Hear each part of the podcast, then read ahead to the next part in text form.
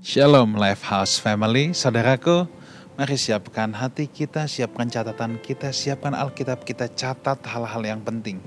Kita luangkan 30 menit ke depan nih, kita fokus mendengarkan apa yang menjadi isi hati Tuhan. Dibagikan di tengah-tengah kita semua. Jangan ada gangguan, jangan ada distraction apa pun. Mari kita berdoa. Bapa, berbicaralah kepada kami. Kami siap mendengarkannya. Roh Kudus, Engkau Guru Maha Guru yang agung. Berikan kepada kami pewahyuan akan apa yang menjadi isi hati Bapa yang mau disampaikan di tengah-tengah kami. Dalam nama Tuhan Yesus kami berdoa. Amin. Saudaraku, siapkan hati kita. Saya akan mengundang seorang sahabat baik, Pastor Elia Makaraung. Please welcome.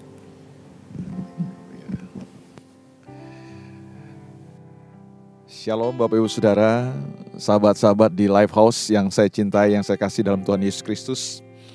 Terima kasih buat kesempatan dan kehormatan yang diberikan untuk saya bisa berjumpa lagi walaupun masih dalam keterbatasan-keterbatasan tapi saya percaya bahwa di mana pun Bapak Ibu Saudara eh, mendengarkan, menyaksikan firman Tuhan ini saya percaya Tuhan bisa bekerja dan melawat hidup kita. Buka hati saudara buat kebenaran firman Tuhan. Nah, hari ini saya ingin sharing dari satu peristiwa yang tentu uh, saudara mengenal peristiwa ini. Ini peristiwa yang sangat uh, terkenal sekali, sangat populer, sebuah peristiwa yang fenomenal di Alkitab khususnya Perjanjian Baru.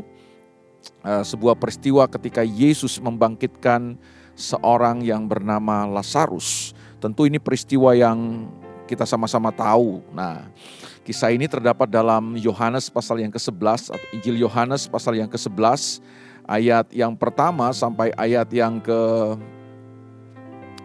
sampai ayat yang ke-44. Itu dicatat dalam Yohanes pasal 11 ayat yang pertama sampai ayat yang ke-44. Tapi mungkin kita tidak akan baca seluruh uh, perikop ini atau ayat-ayat ini karena nanti akan terlalu memakan banyak waktu. Nah, kita akan bahas uh, peristiwa ini, kita akan lompat-lompat saja. Mari perhatikan bersama-sama dari Yohanes pasal yang ke-11 ayat yang pertama dan saya berharap bahwa kita bisa menarik beberapa prinsip kebenaran penting dari kisah ini atau dari peristiwa ini berkaitan dengan situasi dan keadaan yang mungkin hari-hari ini kita sedang hadapi bersama-sama. Yohanes 11 ayat yang pertama, ada seorang yang sedang sakit namanya Lazarus. Ia tinggal di Betania, kampung Maria dan adiknya Marta. Maria ialah perempuan yang pernah meminyaki kaki Tuhan dengan minyak mur dan menyekanya dengan rambutnya. Dan Lazarus yang sakit itu adalah saudaranya. Kedua perempuan itu mengirim kabar kepada Yesus, "Tuhan, dia yang engkau kasihi sakit." Saya ulang sekali lagi, jadi kabar yang diberikan oleh Maria dan Marta adalah Tuhan, dia yang engkau kasihi sakit. Jadi dia di sini tentu maksudnya adalah Lazarus saudara mereka. Jadi Lazarus yang Tuhan kasih itu sakit. Nah, perhatikan baik-baik informasi yang disampaikan atau penjelasan yang ingin disampaikan oleh peristiwa ini adalah Lazarus orang yang dikasihi oleh Tuhan saja bisa mengalami sesuatu yang tidak menyenangkan, sesuatu yang tidak mengenakan, dia mengalami sakit. Nah, fakta ini atau ide yang uh, dicatat dalam peristiwa ini ingin mematahkan semua pemahaman dan konsep banyak orang Kristen hari ini bahwa kalau kita dikasih Tuhan, kalau kita menjadi orang-orang yang berkenan kepada Tuhan, maka kita tidak akan mengalami sakit penyakit, kita nggak akan mengalami masalah, kita nggak akan mengalami persoalan. Ternyata menjadi orang yang dikasih sekalipun oleh Tuhan, menjadi orang-orang yang berkenan kepada Tuhan sekalipun, menjadi anak-anak Tuhan, tidak serta-merta meluputkan kita dari berbagai macam persoalan, berbagai macam masalah, bahkan sakit penyakit bisa kita alami sama seperti yang dialami oleh Lazarus, orang yang dikasih oleh Tuhan Yesus. Jadi hari ini saudaraku, waktu kita memutuskan untuk menjadi pengikut-pengikut Yesus, waktu kita memutuskan untuk mengikut Tuhan dengan sungguh-sungguh, maka masalah, persoalan, keadaan dan situasi yang tidak menyenangkan bisa datang dalam kehidupan kita. Itu sebabnya waktu masalah-masalah itu datang, apa yang penting, apa yang perlu untuk kita pahami. Nah ini yang kita akan coba uh, bahas, kita akan coba soroti dalam peristiwa ini. Sekali lagi saya ulangi bahwa Lazarus orang yang dikasih oleh Tuhan itu mengalami sakit. Dan apa dibalik semua yang dialami oleh Lazarus ini. Nah ayat yang keempat dikatakan ketika Yesus mendengar kabar itu, Yesus berkata penyakit itu tidak akan membawa kematian tetapi akan menyatakan kemuliaan Allah. Sebab oleh penyakit itu anak Allah akan dimuliakan. Nah dari ayat ini kita mengerti bahwa Tuhan adalah Tuhan yang tetap melakukan apa yang terbaik buat kita. Tuhan ingin menyatakan kemuliaannya buat semua situasi dan keadaan yang kita alami dalam kehidupan. Mari sama-sama kita lompat kita perhatikan ayat yang ke-14. Setelah Yesus mendengar kabar itu, lalu Yesus kemudian memutuskan untuk tidak segera pergi ke tempat Lazarus yang mengalami sakit.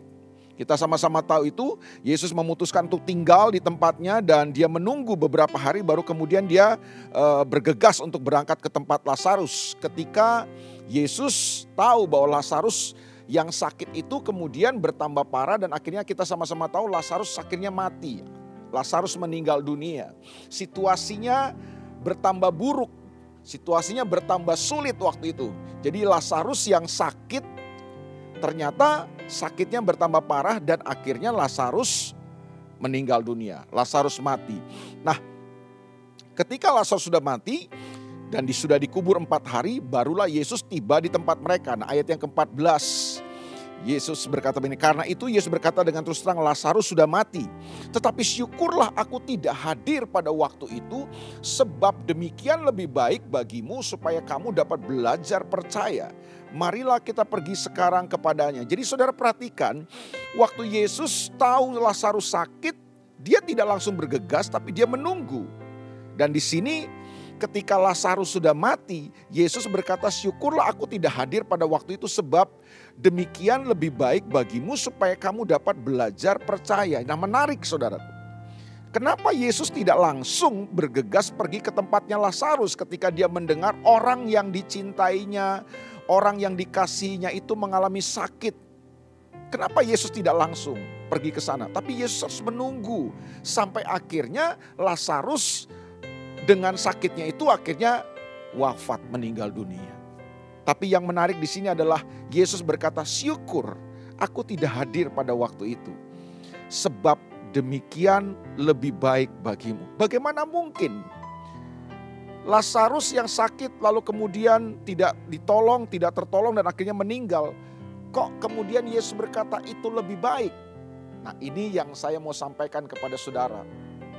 Bahwa percayalah saudaraku, situasi dan keadaan apa pun bisa terjadi dalam kehidupan kita sebagai orang percaya.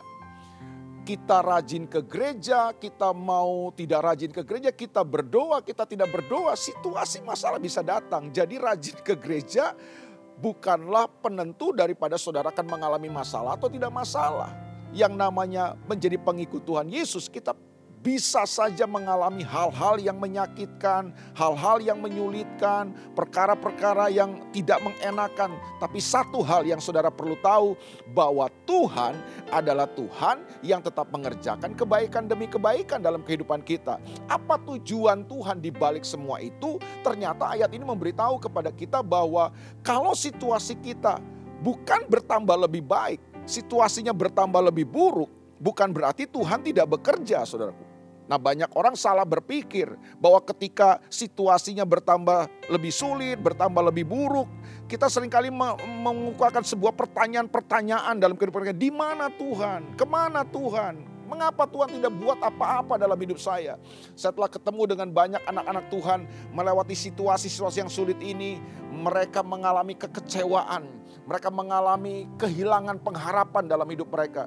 Bahkan seorang teman baru saja menceritakan kepada saya uh, tentang perjalanan hidupnya di saat-saat yang sulit ini di tengah-tengah situasi pandemik ini. Dia begitu setia sama Tuhan, dia melayani Tuhan. Bahkan dia merasa bahwa dia sudah banyak lakukan sesuatu buat Tuhan. Tapi ternyata situasi kok bertambah sulit dalam hidupnya. Bahkan situasinya bukan bertambah lebih baik, bertambah lebih buruk. Itu yang membuat akhirnya dia kecewa. Bahkan sampai dia berkata bahwa sudahlah nggak usah ngomong tentang Tuhan lagi. Nah ini saudaraku, ini yang penting untuk kita pahami. Bahwa situasi bisa bertambah lebih sulit kelihatan situasinya bisa bertambah lebih buruk dalam kehidupan kita. Saudara mengalami masalah-masalah dalam kehidupan saudara, mungkin keadaannya tidak akan jauh lebih baik. Justru keadaannya lebih buruk dari apa yang kita bayangkan, apa yang kita harapkan. Tapi tetaplah percaya karena Alkitab firman Tuhan mengajarkan kepada kita lewat kisah ini bahwa Yesus berkata sebab demikian lebih baik bagimu supaya kamu dapat belajar percaya. Nah percaya apa? Bukan sekedar percaya bahwa Yesus Kristus adalah Tuhan dan Juru Selamat hidup kita. Saya percaya kalau saya tanya kepada apakah saudara percaya Yesus, apakah saudara percaya Tuhan, semua kita pasti akan menjawab kita percaya Tuhan. Tapi yang dimaksud di sini bukan sekedar kita percaya Tuhan, Seringkali situasi dan keadaan-keadaan sulit diizinkan Tuhan terjadi kita hadapi dalam kehidupan bahkan keadaannya mungkin bertambah sulit, bertambah buruk. Tetaplah percaya. Percaya apa saudaraku? Percaya bahwa Tuhan adalah Tuhan yang tetap mengendalikan dan berdaulat atas segala sesuatu. Saya ulang sekali lagi, percaya bahwa Tuhan Yesus adalah Tuhan yang berdaulat dan Tuhan yang tetap mengendalikan segala sesuatu dalam hidup kita. Percayalah saudara, bahwa Tuhan tidak pernah kebingungan dengan semua situasi yang saudara hadapi. Tuhan bukan Tuhan yang gelagapan, gak tahu mau bikin apa dengan semua situasi saudara kalau keadaannya lebih sulit, keadaannya justru bertambah lebih buruk, itu berarti bukan karena Tuhan kehilangan kontrol atas hidup kita tetap mempercayai bahwa Tuhan adalah Tuhan yang pegang kendali atas hidup kita. Itulah yang membuat kita dapat berdiri kokoh menghadapi semua situasi kita. Ada banyak orang percaya hari ini yang gampang tersapu karena apa? Mereka tidak pernah belajar untuk mempercayai bahwa Tuhan adalah Tuhan yang tetap pegang kendali. Tuhan adalah Tuhan yang tetap berdaulat atas segala sesuatu dalam situasi yang paling buruk sekalipun dalam hidup saudara, percayalah kendali tetap ada di dalam tangan Tuhan. Tuhan tetap mengontrol kehidupan kita.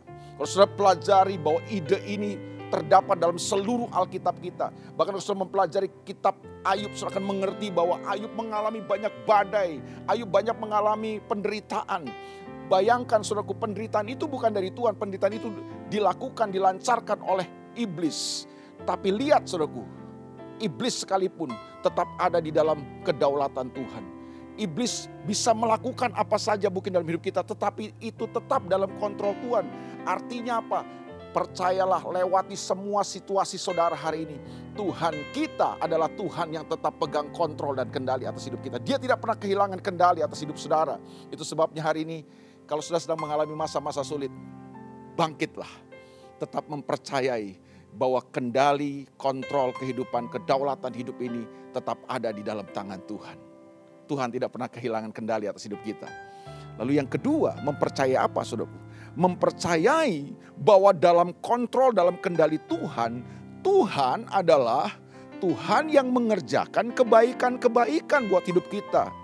Walaupun sering kali kemasannya adalah keadaan-keadaan yang sulit. Nah di sinilah perbedaan cara berpikir kita atau cara memandang kita dengan cara berpikir atau cara memandang Tuhan. Seringkali kita melihat kebaikan hanya dalam versi kita. Kita tidak melihat kebaikan dalam versi Tuhan. Itu sebabnya ada banyak orang percaya akhirnya kecewa dalam kehidupan waktu dia melihat situasinya kok bukan bertambah baik, situasinya bertambah buruk. Keadaan ekonominya kok bukan bertambah baik, malah eh, keadaan ekonomi bertambah buruk ketika dia sungguh-sungguh melayani Tuhan. Nah, di sinilah perbedaannya sekali lagi suruhku. Bagaimana kita melihat, bagaimana kita berpikir tentang kebaikan. Seringkali yang kita pikirkan kebaikan itu adalah kalau hidup kita ini nyaman, ekonomi e, bagus, ya bisnis lancar, ya kan tidak ada persoalan, tidak ada masalah, rumah tangga harmonis, keadaan kita sehat, semuanya dalam keadaan menyenangkan. Itulah kebaikan versi kita. Tapi apakah itu merupakan kebaikan versi Tuhan? Belum tentu. Kebaikan versi Tuhan itu tidak sama dengan versi kita. Kebaikan versi Tuhan adalah Tuhan ingin menjadikan kita serupa dan segambar dengan Dia. Itulah kebaikan yang Tuhan ingin capai dalam kehidupan kita. Jadi, untuk menjadi serupa dan segambar dengan Yesus Kristus, Dia akan kerjakan apa saja dalam kehidupan kita supaya kemudian tujuan dan targetnya tercapai. Jadi, menjadi serupa dan segambar dengan Kristus itu merupakan tujuan dan rencana Tuhan yang tertinggi dalam kehidupan kita. Ingat Roma pasal 8 ayat 28 berkata, Sebab kita tahu sekarang bahwa Allah turut bekerja dalam segala sesuatu untuk mendatangkan kebaikan buat setiap mereka yang mengasihi dia. Siapa mereka yang mengasihi dia? Mereka yang terpanggil katanya sesuai dengan rencana Tuhan. Nah apa rencana Tuhan? Ayat 29 menjelaskannya kepada kita. Bahwa sebab semua orang yang telah dipanggilnya, telah dipilihnya dari semula untuk dijadikannya menjadi serupa dengan gambaran anaknya. Berarti kebaikan versi Tuhan itu adalah ketika saudara saya menjadi serupa dan segambar dengan Kristus. Ketika sifat dan karakter Kristus itu bertumbuh, muncul dalam kehidupan kita hari lepas hari semakin nyata, semakin muncul. Itulah kebaikan buat Tuhan. Jadi dia bisa menggunakan apa saja untuk mengerjakan kebaikan-kebaikan dalam hidup kita. Dan kebaikan menurut Tuhan adalah ketika saudara dan saya menjadi serupa dan segambar dengan dia. Apa artinya saudara sukses dalam kehidupan? Apa artinya saudara kaya punya banyak harta, tapi saudara sombong, saudara merendahkan orang lain, saudara memandang enteng orang lain, saudara tidak menganggap orang lain. Buat apa? Tuhan ingin mengerjakan karakternya dalam hidup kita. Dia ingin membuat kita menjadi pribadi-pribadi yang memiliki karakter lemah lembut dan rendah hati. Buat apa? Kita kelihatan mungkin menjalani hidup yang menyenangkan, tetapi sebenarnya kita menyimpan sebuah kepahitan, kebencian. Buat apa? Tuhan ingin supaya kita berjalan dalam pengampunan, hidup dalam pengampunan. Itu yang Tuhan inginkan dalam kehidupan kita. Nah, itu sebabnya Dia mau kerjakan itu dalam hidup saudara dan saya. Nah, itulah kebaikan versi Tuhan. Jadi, yang pertama, tetap mempercayai bahwa Tuhan adalah Tuhan yang tetap pegang kendali atas hidup saudara. Percayalah situasi dan keadaan tidak akan membuat Tuhan kehilangan kontrol dalam kehidupan kita. Dia tetap Tuhan yang berdaulat, dia tetap Tuhan yang pegang kendali hidup kita. Tidak ada kuasa dalam dunia ini yang dapat menandingi Tuhan. Percayalah apa pun yang terjadi hari ini. Semua situasi yang saudara lihat dalam kehidupan saudara. Semua itu ada di dalam kontrol Tuhan. Tapi yang kedua, dalam kontrol Tuhan, dalam kedaulatan Tuhan itu, Tuhan akan mengerjakan kebaikan-kebaikan dalam kehidupan kita. Kebaikan bukan versi kita, tapi kebaikannya buat kita, tapi bukan versi kita. Kebaikannya buat kita, tapi kebaikan yang versi Tuhan, kebaikan menurut Tuhan. Apa kebaikan menurut Tuhan? Kebaikan yang membuat kita menjadi serupa dan segambar dengan Dia, memiliki karakter Kristus, memiliki sifat Kristus, memiliki cara berpikir Kristus, cara merasa Kristus, bereaksi seperti Kristus. Itulah yang Tuhan mau kerjakan dalam kehidupan kita. Dan yang terakhir, yang ketiga adalah tetap mempercayai bahwa Tuhan adalah Tuhan yang bekerja dan bergerak dalam waktunya. Saya ulang sekali lagi, tetap mempercayai bahwa Tuhan adalah Tuhan yang bergerak dan bekerja tepat pada waktunya, dalam waktunya. Tuhan tidak pernah terlalu cepat, Tuhan juga tidak pernah terlalu terlambat. Dia Tuhan yang selalu bekerja tepat pada waktunya. Saya percaya Pastor Wigan telah mengajarkan kepada saudara tentang pengajaran atau prinsip tentang waktu dalam Alkitab. Nah, Tuhan bukan hanya mau mengerjakan kronos-kronos dalam kehidupan kita. Tuhan bukan hanya akan memberikan kesempatan-kesempatan dalam hidup kita. Tapi Tuhan juga mau mengerjakan kairos dalam kehidupan kita. Apa itu kairos? Kairos adalah waktu Tuhan yang menerobos dan menembus masuk dalam waktu manusia yang terbatas untuk mengerjakan perubahan-perubahan, untuk mengerjakan pemulihan-pemulihan, untuk mengerjakan kehendak dan rencananya dalam hidup kita. Nah sering kali di sinilah persoalannya. Kita cuma menjalani kronos tapi kita tidak menangkap kairos Tuhan. Itu sebabnya harinya akhirnya hari berlalu, waktu berjalan. Kita cuma terpaku kepada semua situasi dan keadaan yang kita lihat dengan mata kita. Tapi kita gagal menemukan apa yang sedang Tuhan kerjakan buat kehidupan kita. Perubahan-perubahan apa yang dia sedang kerjakan. Pemulihan-pemulihan apa yang sedang dia kerjakan. Kehendaknya apa yang sedang dinyatakan buat hidup saudara dan saya. Nah mari hari ini saudaraku, lewat semua situasi yang saudara hadapi. Saya tidak tahu situasi apa saudara hadapi hari ini. Tapi mungkin situasi saudara bukan bertambah lebih baik situasi saudara bertambah lebih buruk. Mungkin situasi bisnis saudara, situasi ekonomi saudara, situasi rumah tangga saudara, situasi dalam pekerjaan saudara, dalam hubungan-hubungan saudara. Mungkin saudara mengalami masalah dan ternyata situasi itu bukan bertambah lebih baik hari-hari ini. Bertambah lebih buruk. Tetaplah percaya bahwa Tuhan sedang mengerjakan perubahan-perubahan. Dia sedang mengerjakan maksud-maksud yang terbaik dalam hidup saudara. Dan dia kerjakan itu di dalam waktunya. Menangkap waktu Tuhan itu penting. Itu sebabnya Efesus pasal yang kelima berkata, pergunakanlah waktu yang ada. Karena hari-hari ini adalah jahat. Kata waktu dalam ayat itu dipakai kata kairos. Lalu kemudian dilanjutkan dengan ayat selanjutnya yang berkata, sebab itu janganlah kamu bodoh. Tapi berusaha supaya kamu mengerti kehendak Allah. Ini penting. Jadi dalam waktunya Tuhan, Tuhan sedang bergerak, Tuhan sedang bekerja. Tangkap itu dalam hidup saudara. Supaya kemudian gini, saudara dan saya tidak jadi orang yang bodoh. Tapi orang-orang yang dapat menangkap kehendak Tuhan di dalam kairos Tuhan itu. Saya percaya waktu-waktu ini Tuhan sedang mengerjakan hal-hal terhebat dalam hidup saudara dan saya. Tapi sering kali mata kita tidak bisa melihatnya karena mata kita hanya tertuju dan terfokus kepada semua situasi, kepada semua kenyataan-kenyataan, kepada semua apa yang dunia dan orang lain katakan. Hari ini suruh tetap percaya bahwa Tuhan pegang kendali atas hidup saudara. Hari ini tetap percaya bahwa Tuhan sedang mengerjakan kebaikannya buat saudara dan saya Kebaikan yang bukan versi kita, tapi kebaikan yang versi Tuhan.